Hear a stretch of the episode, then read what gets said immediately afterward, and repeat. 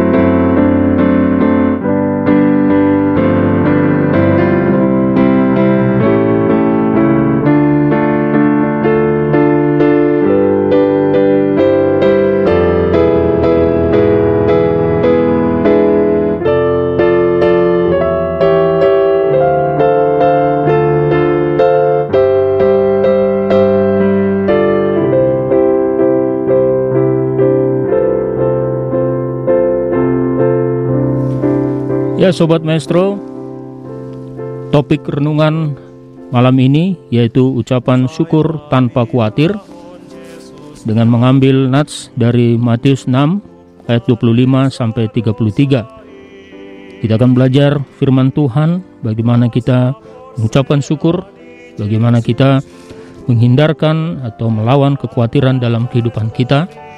Karena itu, kita berikan waktu kepada pendeta kita, pendeta Rory C. Sibarani. Silakan Pak Pendeta. Sobat Maestro, selamat malam. Renungan pada malam hari ini saya akan bacakan dari Injil Matius pasal 6 ayat 25 sampai ayat 33. Karena itu aku berkata kepadamu, janganlah khawatir akan hidupmu, akan apa yang hendak kamu makan atau minum, dan janganlah khawatir pula akan tubuhmu, akan apa yang hendak kamu pakai. Bukankah hidup itu lebih penting daripada makanan, dan tubuh itu lebih penting daripada pakaian? Pandanglah burung-burung di langit, yang tidak menabur dan tidak menuai, dan tidak mengumpulkan bekal dalam lumbung, namun diberi makan oleh Bapamu yang di sorga. Bukankah kamu jauh melebihi burung-burung itu? Siapakah di antara kamu yang karena kekhawatirannya dapat menambahkan sehasta saja pada jalan hidupnya? Dan mengapa kamu khawatir akan pakaian? Perhatikanlah bunga bakung di ladang yang tumbuh tanpa bekerja dan tanpa memintal. Namun aku berkata kepadamu, Salomo dalam segala kemegahannya pun tidak berpakaian seindah salah satu dari bunga itu. Jadi jika demikian Allah mendandani rumput di ladang yang hari ini ada dan besok dibuang ke dalam api, tidakkah ia akan terlebih lagi mendandani kamu hai orang yang kurang percaya? Sebab itu janganlah kamu khawatir dan berkata, apakah yang akan kami makan? Apakah yang akan kami minum? Apakah yang akan kami pakai? Semua itu dicari bangsa-bangsa yang tidak mengenal Allah. Akan tetapi Bapamu yang di sorga tahu bahwa kamu memerlukan, memerlukan semuanya itu. Tetapi carilah dahulu kerajaan Allah dan kebenarannya, maka semuanya itu akan ditambahkan kepadamu. Sobat Maestro yang dikasihi oleh Tuhan Yesus, dalam Injil Matius pasal 6 ayat 25 sampai ayat 33 ini ada lima kali sebutan kekhawatiran ya ada lima kali yang menandakan bahwa ini adalah sesuatu yang sangat serius ya sangat serius orang yang selalu khawatir padahal sebenarnya dia memiliki adalah orang yang tidak akan pernah sanggup untuk melihat bahwa ada yang lebih jauh dari dirinya sendiri. Dia hanya mampu berorientasi hanya pada dirinya sendiri. Orang yang selalu khawatir, dia tidak akan mampu melihat ada yang lebih jauh dari dunia ini. Bahkan, dia akan melihat sejauh mata memandang. Dia akan melihat bahwa dunia ini adalah segala-galanya bagi dia. Dunia ini adalah kepuasan bagi dia, dan dia sangat menikmati itu. Nah, untuk orang yang sederhana, bagaimana supaya dia mampu tidak khawatir?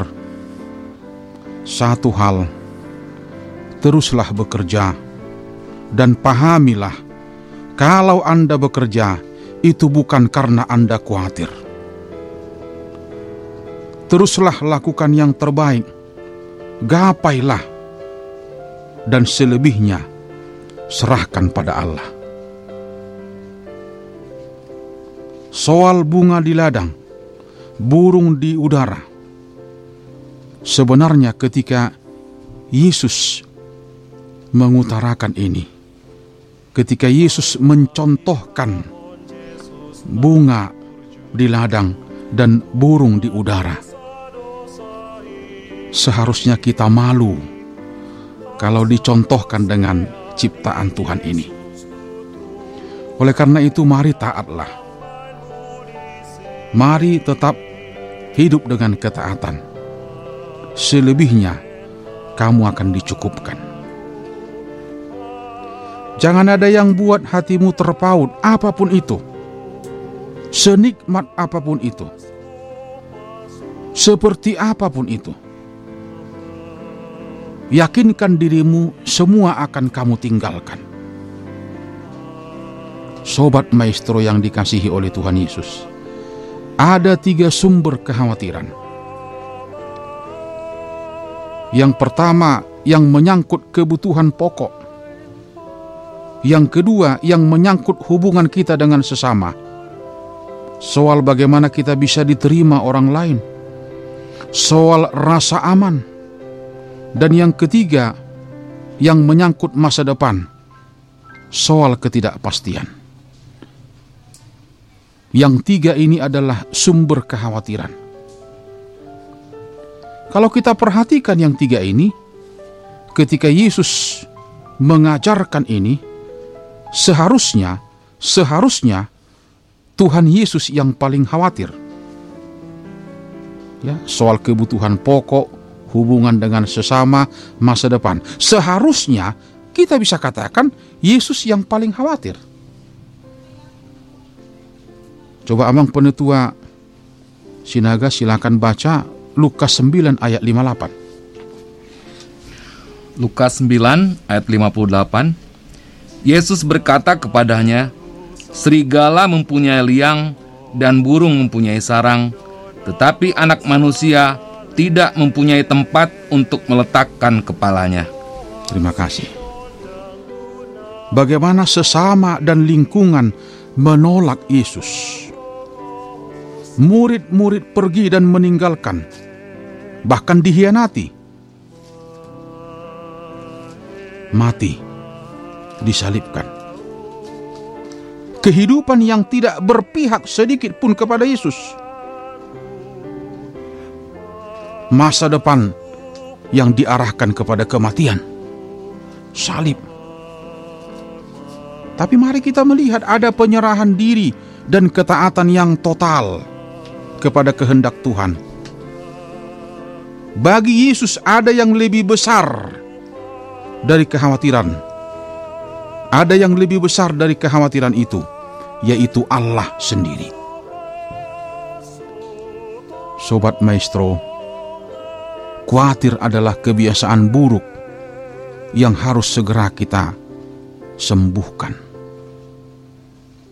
kebiasaan buruk, tetapi kita sering bersahabat dengan kebiasaan buruk ini, kekhawatiran ini.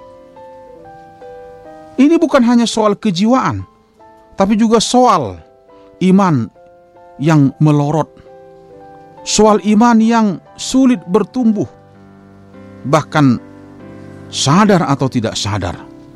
Iblis memelihara ini supaya ini leluasa bekerja dalam kehidupan kita Kekhawatiran bisa membuat kita gelisah, keadaan yang mencekik, sesak, cemas, bahkan kebuntuan berpikir. Supaya kita mencermati kekhawatiran ini. Coba kita kembali baca Amsal 12 ayat 25. Amsal 12 ayat 25 Kekhawatiran dalam hati membungkukkan orang, tetapi perkataan yang baik mengembirakan dia. Ya. Mari kita selalu mencari dan menemukan sukacita. Ya. Ketika kita menemukan sukacita, maka kita bisa meminimalisasi kekhawatiran. Apalagi kekhawatiran yang tidak beralasan, Sobat Maestro. Coba lihat Saul dan orang Israel mampu melihat betapa besarnya Goliat. Namun Daud mampu melihat betapa besarnya kuasa Allah dan dia tidak takut. Kita boleh hitung-hitungan sebagai anak Tuhan. Kita boleh hitung-hitungan dalam kehidupan ini. Dan itu baik, itu langkah awal. Yang berikutnya, izinkan Allah bekerja dengan caranya. Izinkan Allah bekerja dengan kuasanya Biarkan Allah leluasa bekerja memimpin kehidupan kamu. Kekhawatiran bisa membendung kehidupan seseorang. Bisa membendung kehidupan seseorang sehingga dia tidak bisa bertumbuh dengan baik. Oleh karena itu, Sobat Maestro, kenalilah Allah. Bergaulah dengan firman Allah yang benar. Ketika kamu bergaul dengan firman Allah, ketika kamu terus bergaul, bergaul dengan firman Allah, kamu bertumbuh, mampu katakan, jangan khawatir. Oleh karena itu, sesuatu yang perlu yang berikut adalah supaya kita meminimalisasi kekhawatiran. Fokuslah. Fokuslah. Saya mau bacakan kembali di Lukas 12 ayat 24 ini. Perhatikanlah burung-burung gagak yang tidak menabur dan tidak menuai dan tidak mempunyai gudang atau lumbung. Namun demikian diberi makan oleh Allah. Betapa jauhnya kamu melebihi burung-burung itu. Perhatikanlah kalau di Injil Matius dikatakan pandanglah, perhatikanlah, pandanglah, fokus. Fokus. Benari sudut pandangmu. Mata adalah sumber input yang mengawali kita untuk melihat semua, memahami semua informasi. Mata sumber input. Oleh karena itu benahilah cara pandangmu what view. Cara pandang itu harus dibenari supaya kita bisa meminimalisasi kekhawatiran. Selanjutnya, seringlah berbagi. Seringlah berbagi. Praktis dan efektif. Lukas 12, 33 sampai 34. 12 ayat 33 sampai 34. Jualah segala jualah segala milikmu dan berikanlah sedekah. Buatlah bagimu pundi-pundi yang tidak dapat menjadi tua, suatu harta di sorga yang tidak akan habis, yang tidak dapat didekati pencuri, dan yang tidak dirusakkan ngangat. Karena di mana hartamu berada, di situ juga hatimu berada. Oleh karena itu jangan sampai jangan sampai ngengat menghabisi apa yang kau miliki. Seringlah berbagi saat berbagi itu akan menguatkan kamu dan kita dikuatkan, saling menguatkan. Ada yang harus kita tolong, ada yang harus kita bantu. Ketika kita menguatkan, saat itu juga kita dikuatkan. Ketika kita menguatkan, saat itu kita juga dikuatkan. Kita mampu untuk bersyukur. Sobat Maestro, jangan kehilangan ucapan syukurmu, karena kehidupanmu dikuasai oleh kekhawatiranmu. Kalau renungan malam ini mengatakan, carilah kerajaan Allah. Kerajaan Allah adalah soal kebenaran, soal damai sejahtera, soal sukacita di mana ada kebenaran, di situ ada ucapan syukur. Di mana ada damai sejahtera, eirene, di situ ada ucapan syukur. Di mana ada sukacita, di situ ada ucapan syukur. Sobat Maestro, dalam keadaan yang sebenarnya, ketika kita mengucap syukur, kita adalah orang yang paling jujur dengan keberadaan diri kita Orang yang bersyukur adalah orang yang memiliki nilai. Ketika orang lain itu adalah sahabat kita, dia bukan lawan kita. Kita merasa bahwa setiap sel tubuh kita ini mengucapkan syukur. Dan rasa syukur itu adalah surga tersendiri bagi kita. Tuhan memberkati kita. Amin. Baik Sobat Maestro, Demikian pembahasan renungan malam ini dari Bapak Pendeta Lori C. Sibarani. Kiranya itu boleh membawa kita pada suatu wawasan yang baru bagaimana kita harus menghindarkan kekhawatiran dan kita mencari firman Tuhan sebagai sumber kebahagiaan dan sukacita kita. Baik Sobat Maestro, apabila ada pertanyaan silakan disampaikan di 0813 4165 8319 Namun sebelumnya kita akan mendengarkan satu lagu pujian dengan judul Gusti Nu Maha Suci. Oh, sorry, esok hari dari Adrian Takadara.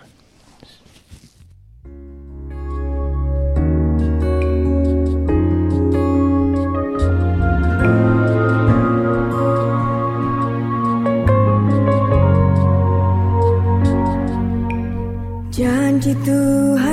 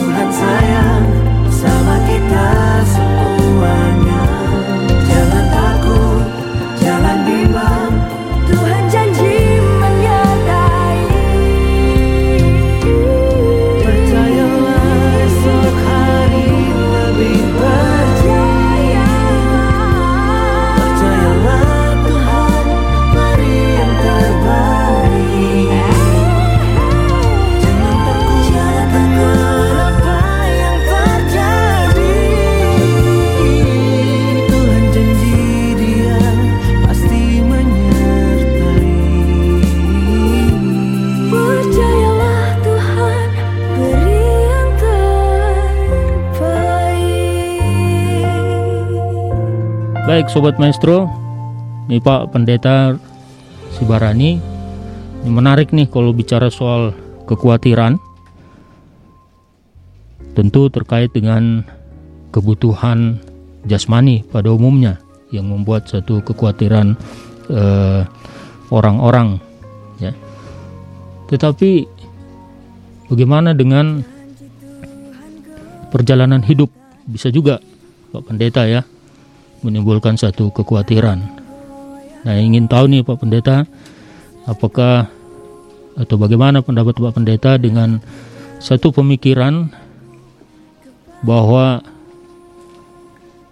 kekhawatiran itu selalu menjadi atau seolah-olah menjadi kehidupannya.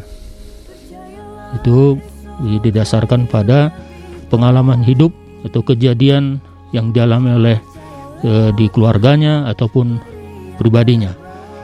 Apakah hal ini benar kalau kekhawatiran menjadi satu pola hidupnya bagi orang-orang seperti ini? Bagaimana Pak Pendeta? Ya terima kasih. Sebenarnya kekhawatiran adalah hal yang normal ya ya dalam kehidupan setiap ciptaan Tuhan ya. Itu sesuatu yang normal. Tapi ketika dia atau kapan dia menjadi sesuatu yang tidak normal ya. Yaitu pada saat ketika dia kehilangan semuanya dengan kekhawatiran itu ya. Bahkan dia kehilangan sukacita ya. Dia nggak mampu lagi bersyukur dia nggak mampu lagi menikmati akan semua keindahan hidup ini yang Allah sudah berikan kepada dia oleh karena kekhawatiran yang uh, sudah menguasai kehidupannya. Jadi saya juga tidak uh, tidak tidak muluk-muluk mengatakan supaya kita nggak boleh khawatir itu sangat normal sekali. Tapi jangan pernah kita uh, jangan pernah kita mau dikuasai oleh kekhawatiran itu. Nah yang kedua di Injil Matius pasal 6:25 itu sudah jelas dikatakan, bukankah hidup itu lebih penting daripada makanan dan tubuh itu lebih penting daripada pakaian? Ya.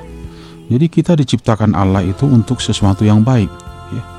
Oleh karena itu jangan kehidupan kita ini diisi oleh sesuatu yang tidak baik yaitu kekhawatiran tadi itu, ya. Itu harus uh, kita pastikan ya Bahkan kalau saya katakan tadi memang kalau diidentikan tadi atau dicoba dengan ya, soal burung-burung di langit, ya, mari kita lihat. Tidak menuai katanya. Dia terbang tinggi, dia pergi pagi pulang sore begitu, bahkan juga bunga bakung ya ayat 26 tadi itu yang hampir tidak ada fungsinya sebenarnya bunga bakung itu, tapi itu juga itu juga uh, diperlengkapi oleh Allah. Saya berpikir sebenarnya kita harus malu sebagai ciptaan Tuhan, sebagai gambaran Tuhan, kalau dicontohkan dengan burung dan bunga bakung tadi itu. Ya, kenapa kita harus khawatir?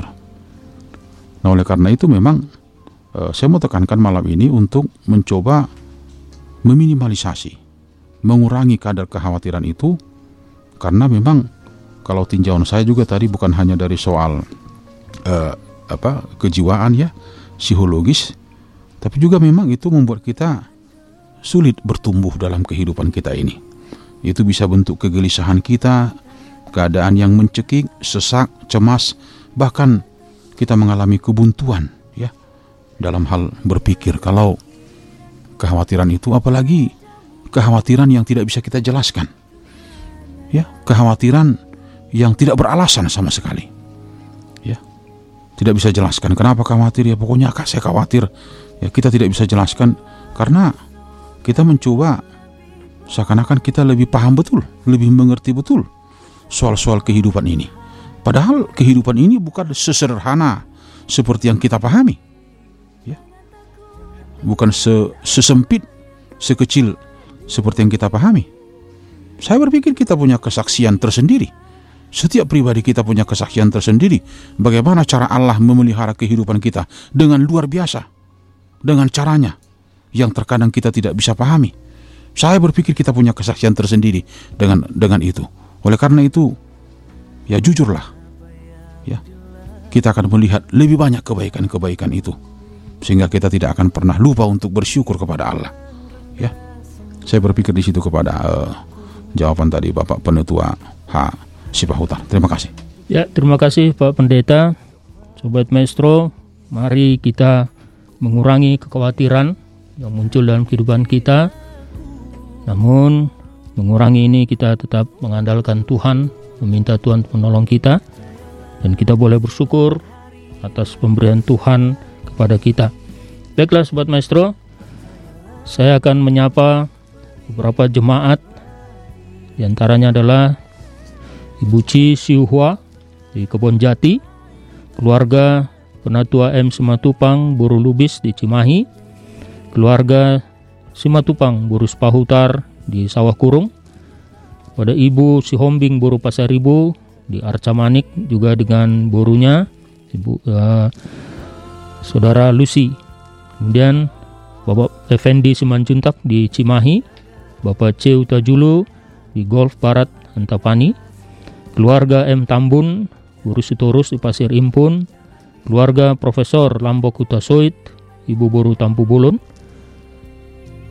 Di Jalan Lamda, kemudian Ibu Penatua Nyonya Pakpahan Boru Tampu Bolon di Manglayang, Ibu Gultom Boru Stompul di Cimindi Raya, demikian juga dengan Bapak atau keluarga PL Tobing Boru Sitompul di Cimindi Raya, keluarga Penatua Emeritus Sabar Sitorus Boru Manurung di Ranca Kendal, Bapak PJ Marbun Setiabudi.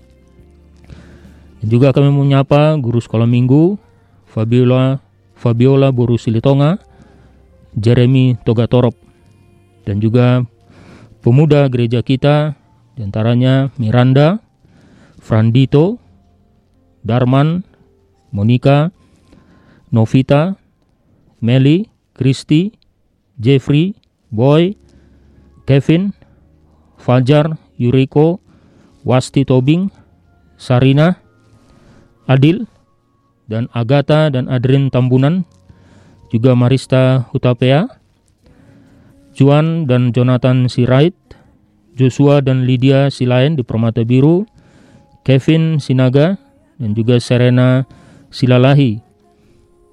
Juga kami menyapa Ibu Sitorus Borumanurung di, di Jalan Majalaya nomor 10 Antapani, Ibu Penatua Napitupulu Boru Simanjuntak di Sukasenang, Ibu Sitorus Boru Napitupulu di Jalan Tongkeng. Dan juga ada titipan salam ini dari Katarina Sipayung untuk Reni Tambun.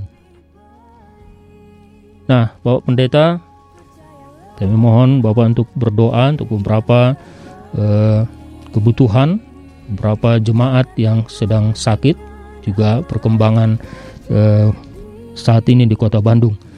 Silakan Bapak Pendeta berikan doa syafaat. Mari kita bersama dalam doa. Bapa di surga, Bapa yang kami imani di dalam nama anakmu Tuhan Yesus, yang selalu memelihara kehidupan kami sampai saat ini. Kami bersyukur untuk pemeliharaanmu yang selalu memelihara kehidupan kami, mencukupkan apa yang perlu dalam kehidupan kami, bahkan semua jemaat, semua sobat maestro yang selalu setia dengan ibadah ini. Malam ini kami berdoa buat jemaatmu dan penetuamu Nyonya Sinaga Boros Siregar yang dirawat di Rumah Sakit Baromeus jemaatmu yang masih isolasi mandiri di rumah Bapak H. Nyonya Sintua Marpaung Buru Dolok Saribu Nyonya Ji Marpaung Buru Silaban Nyonya E. Sirait Buru Marpaung kami juga doakan ibu kami Nyonya Pakpahan Sintua Buru Tambulun yang masih dalam perawatan sampai saat ini oleh karena sesuatu yang tidak biasa Tuhan di dalam tubuhnya. Ibu Nyonya Panjaitan Buru Nadeak dalam keadaan yang kurang sehat juga biarlah engkau pulihkan. Bapak calon Sintua Tietu Gatorop juga yang kurang sehat juga jemaatmu yang masih dalam rawat jalan, Nyonya Pendeta Sirait Buru Silalahi, Nyonya Sintu Emeritus SPH Marbun Buru Purba, Bapak Amanulang, Bapak M Tambun, juga Ibu Nyonya Sinaga Burnaban, yang persiapan akan pemasangan ring pada jantung pada waktu yang akan datang. Biarlah semua jemaat dan penetuamu itu dalam pemeliharaanmu, biarlah Tuhan boleh memberikan kesabaran kepada semua jemaatmu dan semua penutuamu yang masih dalam perawatan untuk sabar menjalani kehidupan ini. Bahkan perawatan yang masih akan terus berlanjut.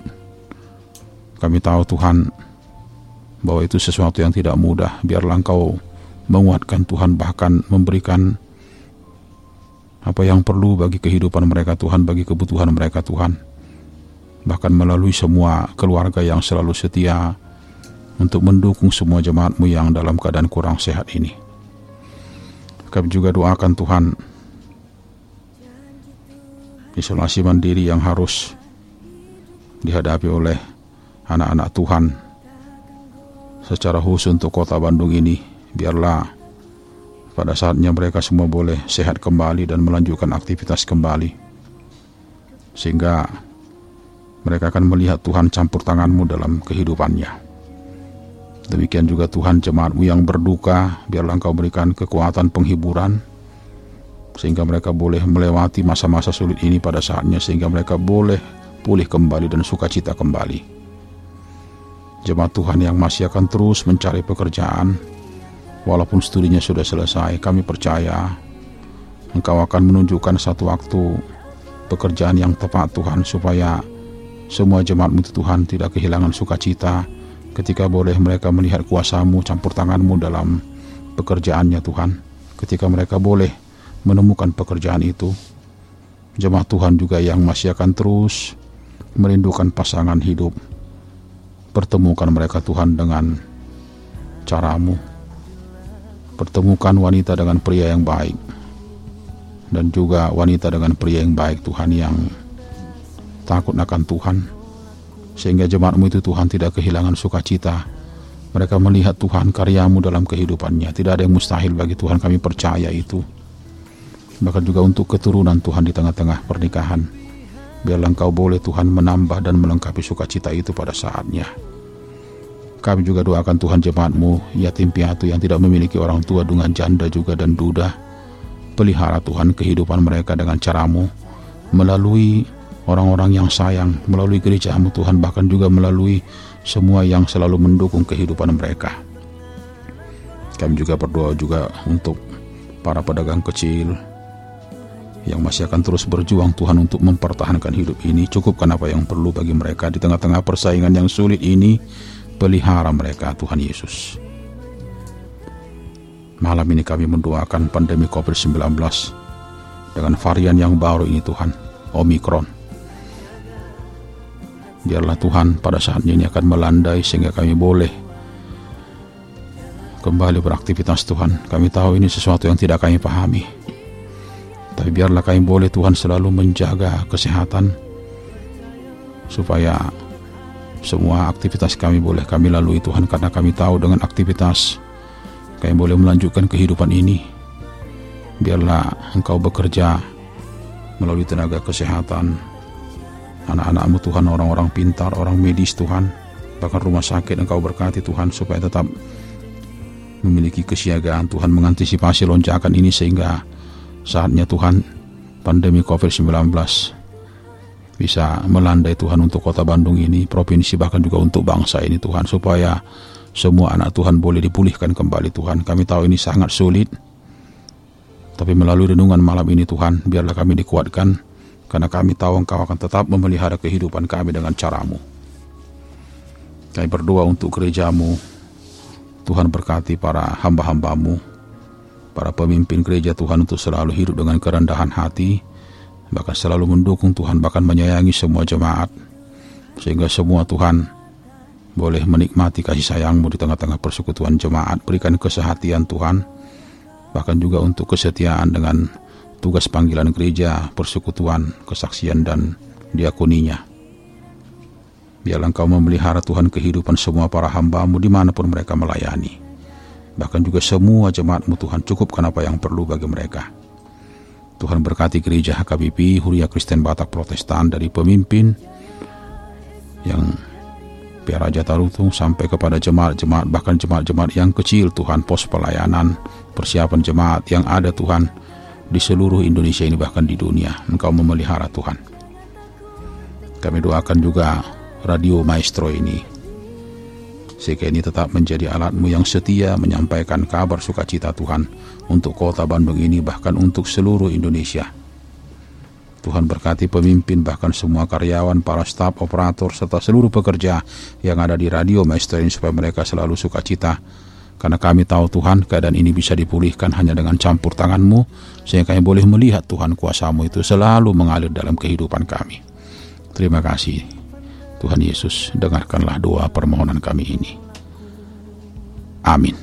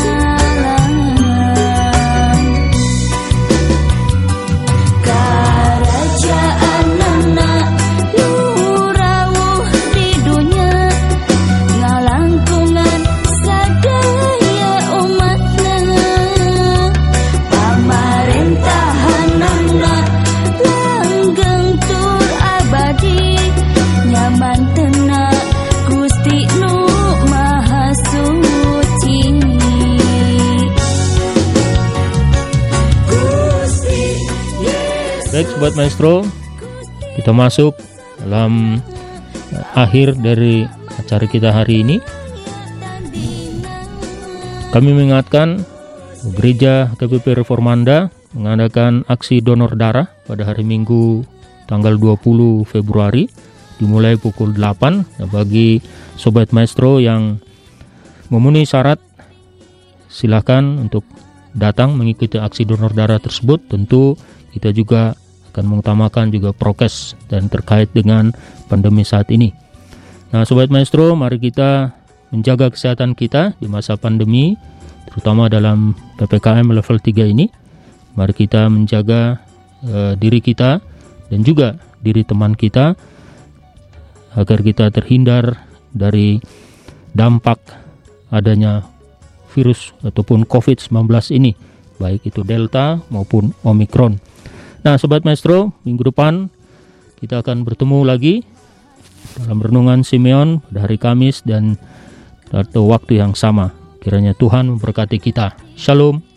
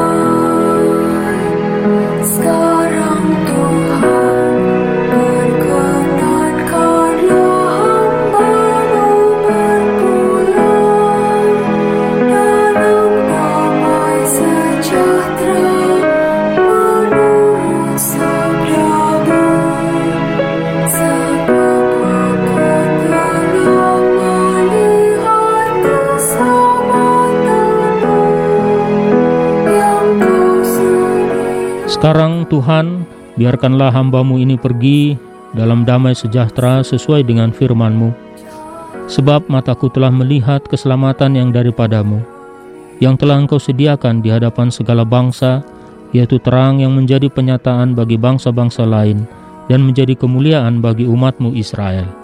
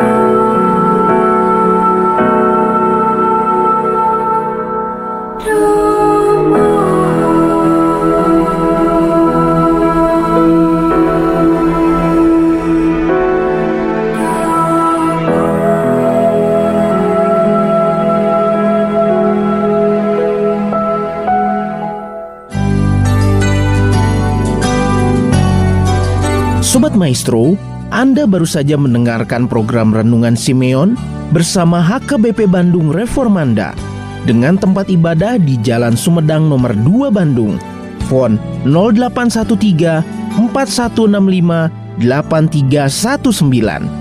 Kebaktian Umum Bahasa Indonesia pukul 7. Kebaktian Umum Bahasa Batak pukul 10.30. Kebaktian Sekolah Minggu pukul 9. Kebaktian umum dan kebaktian sekolah minggu dilaksanakan on-site dengan protokol kesehatan dan online melalui kanal YouTube dan Facebook at HKBP Bandung Reformanda. Terima kasih atas kebersamaan Anda. Tuhan Yesus memberkati.